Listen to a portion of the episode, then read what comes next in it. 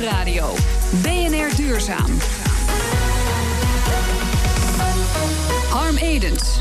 Tenet en Van der Bron kondigden onlangs aan dat ze blockchain in gaan zetten om energie uit te wisselen tussen elektrische auto's. Klinkt super innovatief, maar wat is blockchain precies en wat kunnen we er verder mee? Rutger van Zuidam, ondernemer en bitcoin- en blockchain-expert, en Arash Azami, ondernemer en energie-expert, zijn allebei verbonden aan Denktank Singularity U. Dus zij zouden het moeten weten. Rutger, mag ik met jou beginnen? Wat is blockchain? Um, blockchain is een technologie die uh, zonder heel erg in te gaan op uh, de onderliggende uh, technische vraagstukken vertrouwen aan het internet toe gaat voegen, waardoor je onderling waarde kunt uitwisselen. Als je zeker wilt weten dat iets klopt online, ja, dan gebruik je dus die blockchain waar ook Bitcoin op gebouwd is. En bijvoorbeeld met Bitcoin kun je dus een transactie doen met iemand in Japan zonder dat je diegene kent. Maar je weet wel 100% zeker dat het geld ook daadwerkelijk bij jou uh, terechtkomt. Dat het heen en weer gaat zonder banken. En dat gaat altijd goed tot nu toe. Want je zegt het heel mooi. Je voegt vertrouwen toe aan iets waar per dag minder vertrouwen aangehangen wordt, zou je denken. De hele internet, mijn hemel, het piept in zijn voegen. En met, met dit kan het wel. Ja, omdat uh, die technologie uh, versleuteling uh, mogelijk maakt, waardoor je kan aantonen dat jij daadwerkelijk bijvoorbeeld afzender bent van de gegevens. Heb je dan bijvoorbeeld over energie, ja, dan heb je het over weet je nou zeker of de stroom uit je stopcontact echt groen is. Nou, daar heb je een certificaat voor nodig. En die certificaten die moeten nu via een derde partij worden uitgewisseld. Uh, en daar gebruik je straks gewoon het internet voor. Mm -hmm. Maar als ik het nou toch even iets technischer uh, probeer te snappen, kan je zeggen dat het, uh, het, het, aan elkaar hangen van databases om samen weer een nieuwe, grotere database te maken. Dat is het zo'n beetje. Ja, vergelijk het alsof je samen één grote Excel-sheet beheert.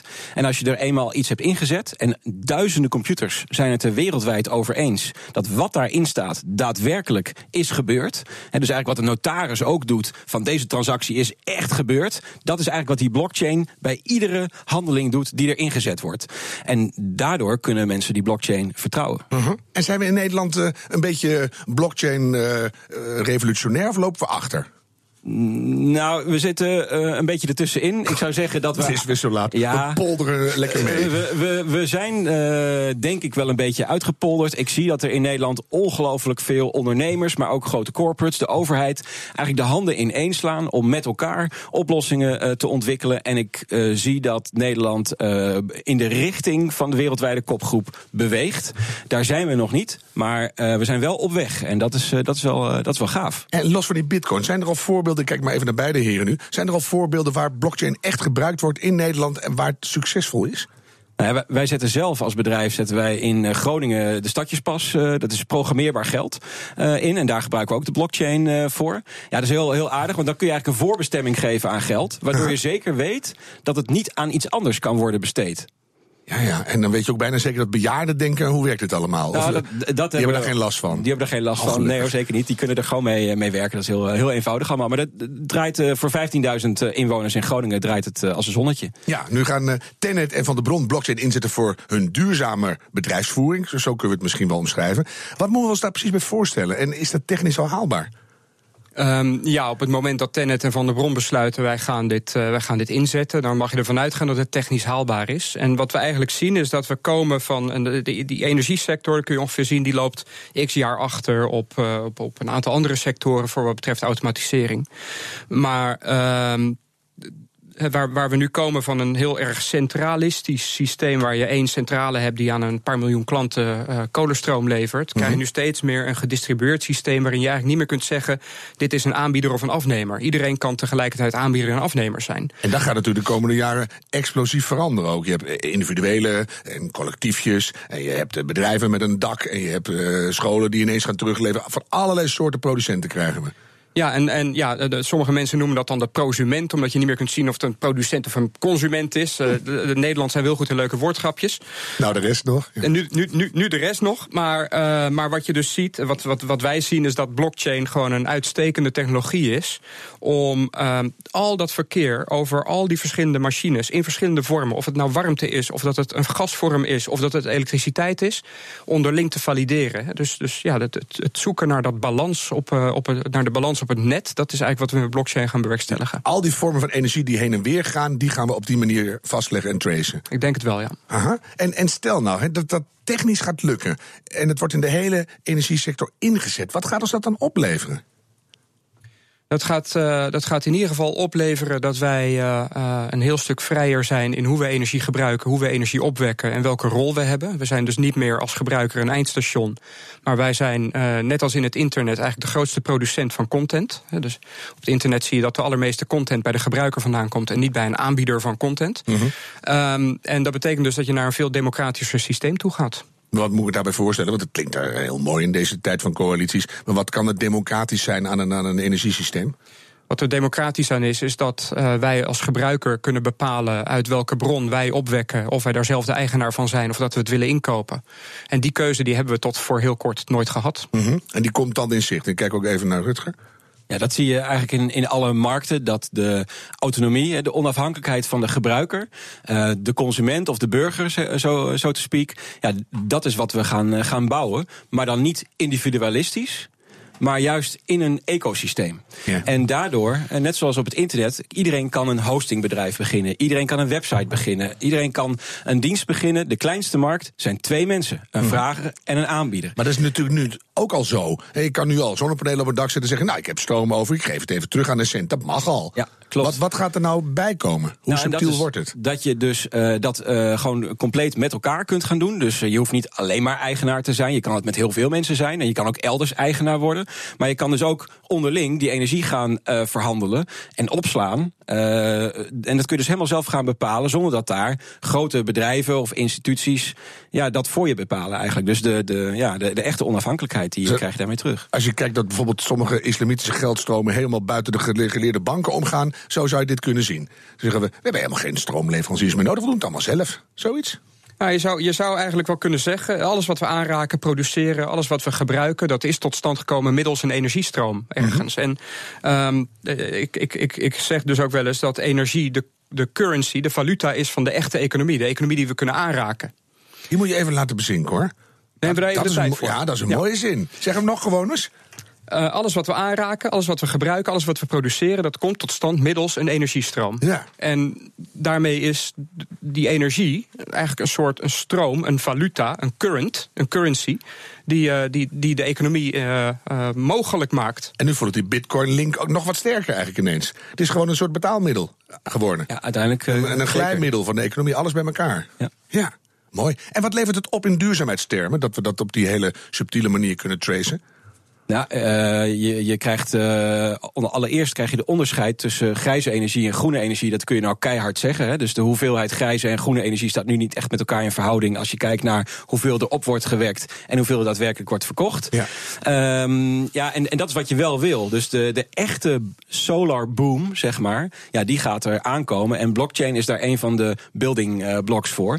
Ik denk echter dat het duurzaamheidseffect van blockchain nog veel verder kan gaan. Namelijk? Omdat. Um, stel je voor uh, dat als je een factuur binnenkrijgt, je scant de factuur en met je fingerprint en pincode is die betaald. De BTW is aangegeven en betaald en hij is verwerkt in je boekhouding. In één keer.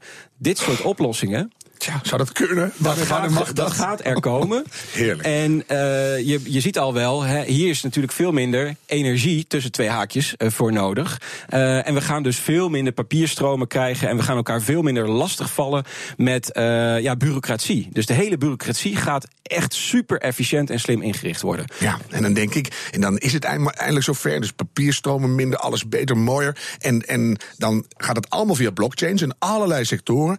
En hoeveel energie gaat dat dan weer opslurpen? Want waar gerekend wordt, uh, gaan wattages langs de horizon.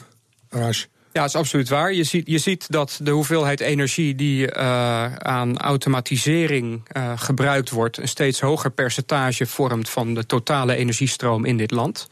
Maar tegelijkertijd zien we ook dat de hoeveelheid energie die daardoor bespaard wordt, veel groter is. Toch. He, dus uiteindelijk onderaan de streep heb je, heb je winst. Een, een leuk voorbeeld ook van, van een blockchain-mogelijkheid die we nu in Nederland aan het onderzoeken zijn, is of wij over een hele waardeketen van grondstof tot aan het product dat je koopt een, de CO2-uitstoot kunnen valideren. Dat, dat gaat bijvoorbeeld een inkooplijn helemaal veranderen. En, en daarmee zit je al een soort brug te slaan als volgende onderwerp over de circulaire economie. Absoluut. Dus je ziet nu eigenlijk op alle sectoren waar je maar naar kijkt in de samenleving, gaat het richting nieuwe wereld, duurzaam rond. Ook dit. Ja, het is als het ware de volgende generatie van het internet. En alle primaire processen, van welke organisatie dan ook, raken hiermee verbonden. En dus ook alle businessmodellen. En dat gaat natuurlijk voor een enorme verschuiving zorgen met de nadruk op het woord enorm. En dan hoop ik maar wat jij zei dat het gaat over vertrouwen. Want nu is het voor het eerst ook de stroom gewoon aangesloten op het internet. Voor je het weet rijdt mijn automatische zelfrijdende autootje richting Rusland. Ik ga jullie bedanken. Kundige heren, Rutger van Zuidam en Arash Azami.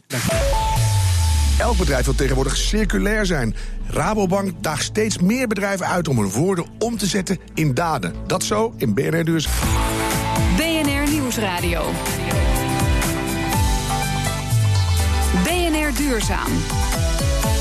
Het Nederlandse bedrijfsleven snuffelt nog steeds heel voorzichtig aan de circulaire economie. We moeten nog heel veel veranderen voor we alle ketens langzaamaan kunnen gaan sluiten. Om die omslag te versnellen heeft de Rabobank de Circular Economy Challenge in het leven geroepen. Bas Ruter, directeur duurzaamheid van de Rabobank. Hoe, hoe zou je jezelf die, die Circular Economy Challenge willen omschrijven? Wat is het precies? Het is een zoektocht van uh, een groot aantal klanten van de bank. Uh, meestal tussen de 15 en de 20.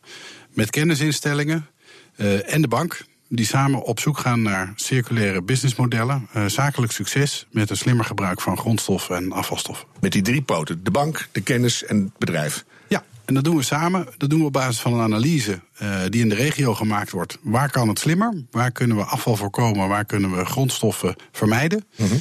En wat het leuke daarin is, is als je met een aantal klanten van de bank daarnaar kijkt, dat je vaak ook ziet dat ze minder kosten kunnen maken, meer geld kunnen besparen en ook nieuwe producten en diensten kunnen gaan ontwikkelen samen. Een hele scope aan nieuwe mogelijkheden ontpopt zich. In, ja. in het kader van groen rechts noem ik het vaak maar. Je, je, je verdient gewoon geld met iets wat beter is en goedkoper en duurzamer. Ja, en je ziet dat als mensen daar eenmaal met elkaar over na gaan denken, dat er nieuwe ideeën ontstaan. Dus iemand die eigenlijk gewoon denkt: ik ben goed bezig met mijn bedrijf geconfronteerd met de mogelijkheid om slimmer met zijn grondstof en afval om te gaan.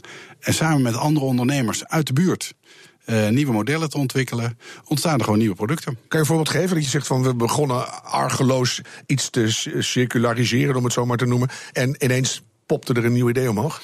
Nou, wat ik heel spannend vond was uh, in de eerste challenge, die in 2014, hè, toen deden we één challenge per jaar met tien ondernemers, bijvoorbeeld in de automotive. Mm -hmm. uh, daar was eigenlijk het bewustzijn hoeveel afval een bandenfabrikant maakt per jaar. Uh, nou, stuitend veel. Uh, toen ze gingen nadenken, wat kan er slimmer aan, uh, zijn ze tot de ontdekking gekomen dat als ze ook verantwoordelijkheid zouden nemen voor die afvalband. Uh, dat ze met het terughalen van carbon black, wat er in die, in die banden zit, eigenlijk een hele dure, hele belangrijke grondstof zouden kunnen uitsparen. En daar wordt nu een nieuwe fabriek gebouwd. Waar de oude banden, carbon black weer uitgehaald wordt. Gaat gewoon het tweede leven in als een nieuwe band. Ja, het is de hele beweging eigenlijk van product naar service. Dus je blijft verantwoordelijk voor je eigen dingen. Je zei net zelf, het is de zoektocht van bedrijven. Is dat ook waar de zoektocht begint? Of is het de bank, in dit geval de Rabobank, die zegt: jongens, hallo, wij, wij doen zo'n challenge. We zouden het heel interessant vinden als jullie meededen. Ja, wij nodigen ze uit, maar wij worden geen ondernemer. Uh, wij, wij, brengen ze bij elkaar en we begeleiden ze samen met KPMG en MVO Nederland. En als dat met elkaar aan de gang gaat, dan begeleiden we ze. Mm -hmm. En als het uh, uiteindelijk tot nieuwe producten, nieuwe diensten komen en er is financieringsvraag, doen we dat ook. Maar de essentie is slimmer ondernemen, nieuwe producten en diensten. En daarmee ook gewoon een beetje werken aan die duurzame samenleving. Ja, en hoeveel bedrijven doen er tegenwoordig aan zo'n challenge mee? Want het begon met tien. Ja, we, hadden, we hebben het eerste jaar tien gedaan. Dat was echt ook een zoektocht. Kan dit werken? Kwamen mooie nieuwe producten en diensten uit. Toen hebben we er twee jaar lang twintig gedaan. En we hebben echt de ambitie om dit jaar honderd van die bedrijven te gaan helpen. Ik en hoorde het afgelopen week, meneer Draaien, ergens zeggen op een conferentie. En dat gaan jullie echt honderd. Dat begint erop te lijken een beetje. Ja, we gaan parallel nu vijf challenges doen door het hele land. En eigenlijk zou het zo moeten zijn dat we op de middellange termijn in elke regio in Nederland elke drie jaar eh, met ondernemers aan de slag gaan die daar zin in hebben. Dus we moeten gewoon met z'n allen aan de circulaire economie. En, en waar moet een bedrijf concreet aan voldoen? Willen jullie zeggen, wij hebben er als bank voldoende vertrouwen in om samen dat traject in te gaan? En hoe lang duurt zo'n traject? Nou, oprechte interesse en uh, de bereidheid om er wat geld in te stoppen en vooral tijd en analyse, uh, dat is goed genoeg. En uh, dan zijn ze in een jaar er doorheen. Zowel de analyse, wat kan er met mijn bedrijf? De zoektocht, kunnen we meer met partners? En wat is er in deze regio kansrijk? En het ontwikkelen van een businessmodel. Plus, en dat is ook belangrijk, je bewust worden hoe je dat kan verkopen. Want de analyse is één, maar er daadwerkelijk mee de markt op Ja. is nog een heel ander ding. Vaak is de techneut niet in staat om dat goed uit te leggen. En helpen we ze ook om die pitch eh, van de grond te krijgen. Want daar heb je het vaak over. Technische bedrijven die zijn heel technisch, maar die gaan niet een heel mooi circulair verhaal houden naar toekomstige investeerders, et cetera. Dus Ja. daar helpen jullie ook mee. Ja. Wat, wat- het bedrijf stopt er wat geld in. Wat stoppen jullie erin? Ja, wij stoppen er menskracht in en ook geld. Hè. En eh, wij zijn vooral op zoek naar het verbinden. Dus wij, wij, wij zijn binnen ons klantenbestand op zoek naar ondernemers voor wie het kansrijk kan zijn. Op basis van die analyse in de regio. Waar zitten inefficiënties? En wie heeft al in het contact met de bank? Hè, jaarlijks analyseren we ook de duurzaamheidsprestatie van onze klanten die geld lenen. Wie heeft aantoonbaar alles met de bank daarover gesproken? Is op zoek naar innovatie en kunnen wij daarbij ondersteunen? En die nodigen we dan uit, doe mee. En vanuit die bedrijven begrijp ik het nu volledig. Ja. En vanuit een bank, want ik denk dan, jullie zijn op zoek naar een eh, manier om, om degelijker te kunnen investeren. Dus het risico voor jullie kleiner wordt. Of zit er nog meer achter? Het heeft zeker eh, de ambitie om voor onze klanten een lange termijn perspectief te bieden. En dus een lange termijn jullie. veilige relatie. Ja, maar het is natuurlijk ook zo dat we dat doen om die rol in de regio te versterken.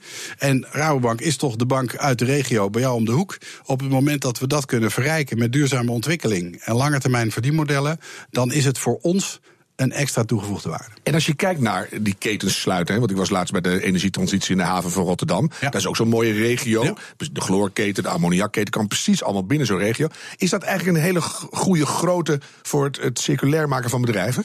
Ja, wat je vaak ziet is in de regio hebben mensen geen idee wat er aan potentiële grondstof bij de buurman of op enige afstand al aanwezig is. Als je die mensen met elkaar verbindt, gaan de ogen open.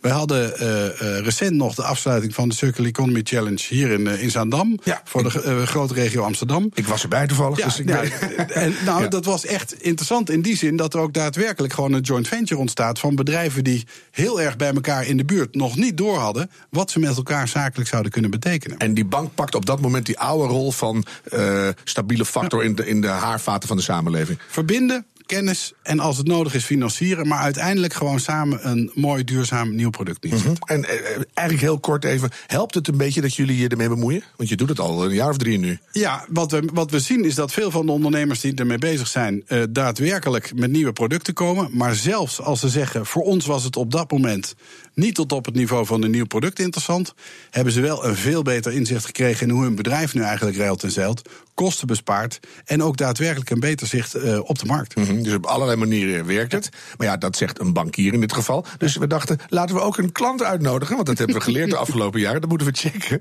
Wat fijn dat jij er bent, Michael Kuiper van Desco. Eh, klopt het wat Bas tot nu toe zegt? Ja, het klopt absoluut. Eh, ik moet zeggen dat, eh, dat ik het ook mooi vind dat een grote partij als eh, de zich achter het circulaire eh, verhaal schaart. En ja, het verbinden met elkaar en, en het doen en de kruisbestuivingen zoeken als bank, als ondernemer en ook kennis eh, daarbij. Ja, dat klopt absoluut. Nou zijn jullie van huis uit al een soort circulaire kantoorinrichter. Uitgaande van bestaande kantoorinrichting kan een klant bij jullie kopen, een lease en huren en huur kopen, wat hij maar wil. En dat allemaal al in een duurzaam kringetje. En waarom heeft de Rabobank nou uitgerekend jullie benaderd om mee te doen? Uh, nou, we zijn met elkaar in gesprek geraakt. Uh, uiteindelijk hebben we samen besloten om uh, het traject in te gaan. Omdat ik ook vind dat vreemde ogen en ook een bank, maar ook een KPMG anders naar ons model kijkt dan ik alleen zelf kijk als bedrijf. En uiteindelijk kom je dan weer tot andere conclusies. Maar en vreemde ogen dwingen, hè? Dus vreemde je stelt ogen je, dwingen. Je stelt je kwetsbaar op, dus als er wat zin, dan moet je wel ook. Nee, absoluut. Ik denk dat ons uh, circulaire kantoorinrichtsmodel uh, helemaal kloppend is. Maar dan gaat het er ook om hoe krijg je onze eigen mensen intern mee. Ah, want dan uh, wou ik vragen. Ze keken en wat hebben ze gezien bij jullie? Wat kon er toch nog beter? Nou, de bewustwording maken van wat doe je intern? Wat doe je überhaupt met je eigen afval? Maar hoe krijg je je eigen mensen mee? Dat, je ook, dat ze het besef hebben van waar ga je als bedrijf naartoe? Als wij onze chauffeurs op pad sturen, moeten ze ook het, het begrip circulariteit uh, goed kennen. Maar ook het gevoel hebben waarom we dat doen. Dus uiteindelijk zijn we nu in het pad geslagen. Tweeledig, we hebben de, de waardescan met, met grondstoffen ontwikkeld op kantoormeubelgebied. Mm -hmm. Dat hebben we samen met KPMG en met de Rabobank gedaan. Maar eruit voortvloeiend zijn we ook erachter gekomen, nogmaals, om te kijken hoe kunnen we het intern verbeteren. Ja, daar ben ik eigenlijk heel erg blij mee, omdat je alleen maar bezig bent om te roepen.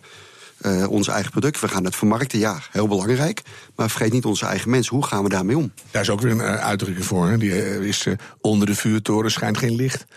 dus dan doe je buiten alles goed. En dan denk ik, oh, mijn eigen bedrijfsvoering En dat nog. stukje hebben ze me wel erg bewust gemaakt. En daar ben ik eigenlijk heel erg blij mee. Omdat je nogmaals, je bent bezig met je eigen verkoopverhaal. Maar dat is niet onbelangrijk om uiteindelijk een stap echt door te, te zetten naar de hele circulaire uh, economie. Maar daar heb je wel iedereen voor nodig.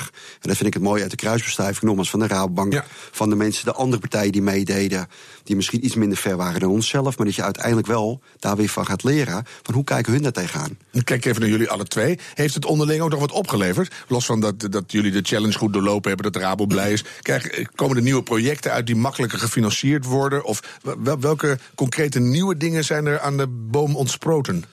Nou, een van de nieuwe dingen die eh, ontstaan is, is dat wij eh, zelf het Circulaire Design Lab hebben. Daar zit een award aan vast. En die award eh, is de bedoeling dat ontwerpers, designers van oude producten iets nieuws maken. Die hebben we eh, vorig jaar uitgegeven. En uiteindelijk is de Rabobank dit jaar ingestapt om dat stuk ook te promoten en om het uiteindelijk op een hoog niveau te krijgen. Waardoor er meer mensen mee gaan doen in de hele circulaire economie. En ik, ik ben er heel erg blij mee, heel erg trots op dat de Rabobank daarin participeert. Want uiteindelijk moet het wel gaan doen met z'n allen om de circulaire economie en de duurzame nieuwe wereld een stuk verder te helpen. Ja, kijk, tot slot even naar, naar Bas. Want eh 100 bedrijven, hoeveel bedrijven hebben we in Nederland?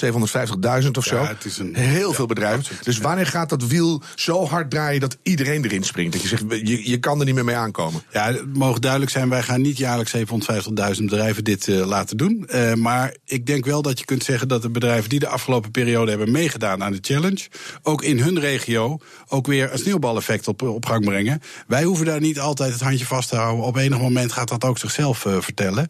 Dus ik heb goede hoop dat die koplopers ook weer met hun businesspartners zelf aan de slag kunnen. Het is moeten we ons wel bedenken, een kreet die nog geen vijf jaar geleden door niemand bekend was. Nu zegt iedereen, het moeten er 100.000 per jaar zijn, waar blijf je nou? Ik vind het mooi om ongeduldig te zijn, maar ik denk ook dat we trots moeten zijn op wat er al is. Rutte die zei, er wordt een hoop gepraat, wanneer gaan jullie nou eindelijk eens wat doen vorige week? Wij waren toevallig de dag ervoor net begonnen, dat is toch mooi om te weten. Altijd goed, hè? Dan heb je ook nog eens een nieuwtje. Ik ga jullie enorm bedanken. Heel veel succes, ook met de challenge. Bas Rutte van de Rabobank en Michael Kuiper van Desco. BNR Nieuwsradio. BNR Duurzaam. Rest mij nog één. Laatste vraag. Die gaat deze week over biologische kleurstoffen. Redacteur Paulien Wuster kwam erachter dat kleuren op een duurzame manier niet zo simpel is. Van Houten maakt handdoekjes en poetspapier die ze graag op een natuurlijke manier willen kleuren. Dat is lastiger dan het lijkt. Dus ik ben eh, vanaf 2008 al aan het zoeken naar kleurstoffen die niet schadelijk zijn en ook nog biologisch afbreekbaar zijn. Ja, dan vraag je af, waarom kan dat niet? Je kijkt naar buiten en je ziet groene planten, je ziet eh, mooie rode bloemetjes en van alles. En dan zou je toch zeggen van, dat moet niet zo moeilijk zijn. En dus deed Erik van Hoof, procestechnoloog, een klein experimentje met caroteen, de kleurstof die in wortels zit. Ik had mooi oranje papier, alleen de dag daarna was de kleur weg. Het was gewoon door licht weer verdwenen. Ja, dat is de eerste uitdaging die er ligt, denk ik. Dat de kleur die we gaan maken, dat die ook kleurecht is. Dat wil zeggen dat hij dus langere tijd zijn kleur houdt. En wat ook heel lastig is, Andere moeilijkheid waar ik tegenaan loop is dat de kleurstof niet mag uitbloeden. Wij maken handdoekjes, we maken eh, poetspapier en dat wordt nat. Je kunt je voorstellen als dan die kleurstof er gewoon uit komt te lopen, ja, dat, dat, dat, dat wil je ook niet. Dorien Derksen van de Avans Hogeschool heeft zich gespecialiseerd in kleurstoffen en snapt wel waarom het zo lastig is om natuurlijke kleurstoffen te vinden. Je zou kunnen zeggen dat de laatste honderd jaar wij eigenlijk alleen maar gewerkt hebben met synthetische kleurstoffen. Dus er zijn ook heel veel synthetische kleurstoffen ontwikkeld en die zijn ook allemaal verbeterd. En de eisen van de industrie zijn ook hoger geworden. En dat brengt natuurlijke kleurstoffen op een achterstand. Het zijn er sowieso veel minder, want die hele ontwikkeling, die hele industriële revolutie, die hebben deze kleurstoffen niet meegemaakt. Dus je hebt veel minder keuze aan natuurlijke kleurstoffen. En die natuurlijke kleurstoffen voldoen dus ook niet altijd helemaal aan die eisen van die industrie. En toch willen ze bij Van Houten natuurlijk blauw en natuurlijk groen. Laten we met groen beginnen. Uh, industrie werkt eigenlijk niet met groen. De, groen werkt, de industrie werkt met een combinatie van blauw en geel, wat groen geeft. Oké, uh, geel dan. Geel kan heel slecht tegen licht. En blauw? Blauw kan vaak heel goed tegen licht. Alleen er is veel minder blauw dat oplost in water. Maar ondanks alles ziet Dorien Derksen het positief in.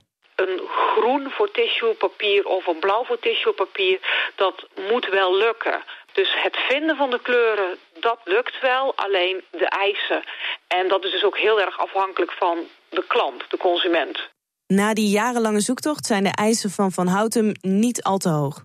Het is ook niet zo spannend welk groen het wordt of welk blauw het wordt. Als we maar uh, iets kunnen laten zien van ja, het kan. Uh, het is misschien nog niet 100%, maar ja, uh, er zijn mogelijkheden. En toch zou ik gaan voor Koningsblauw. Ook in duurzaamheidsland moet je de lat hoog leggen.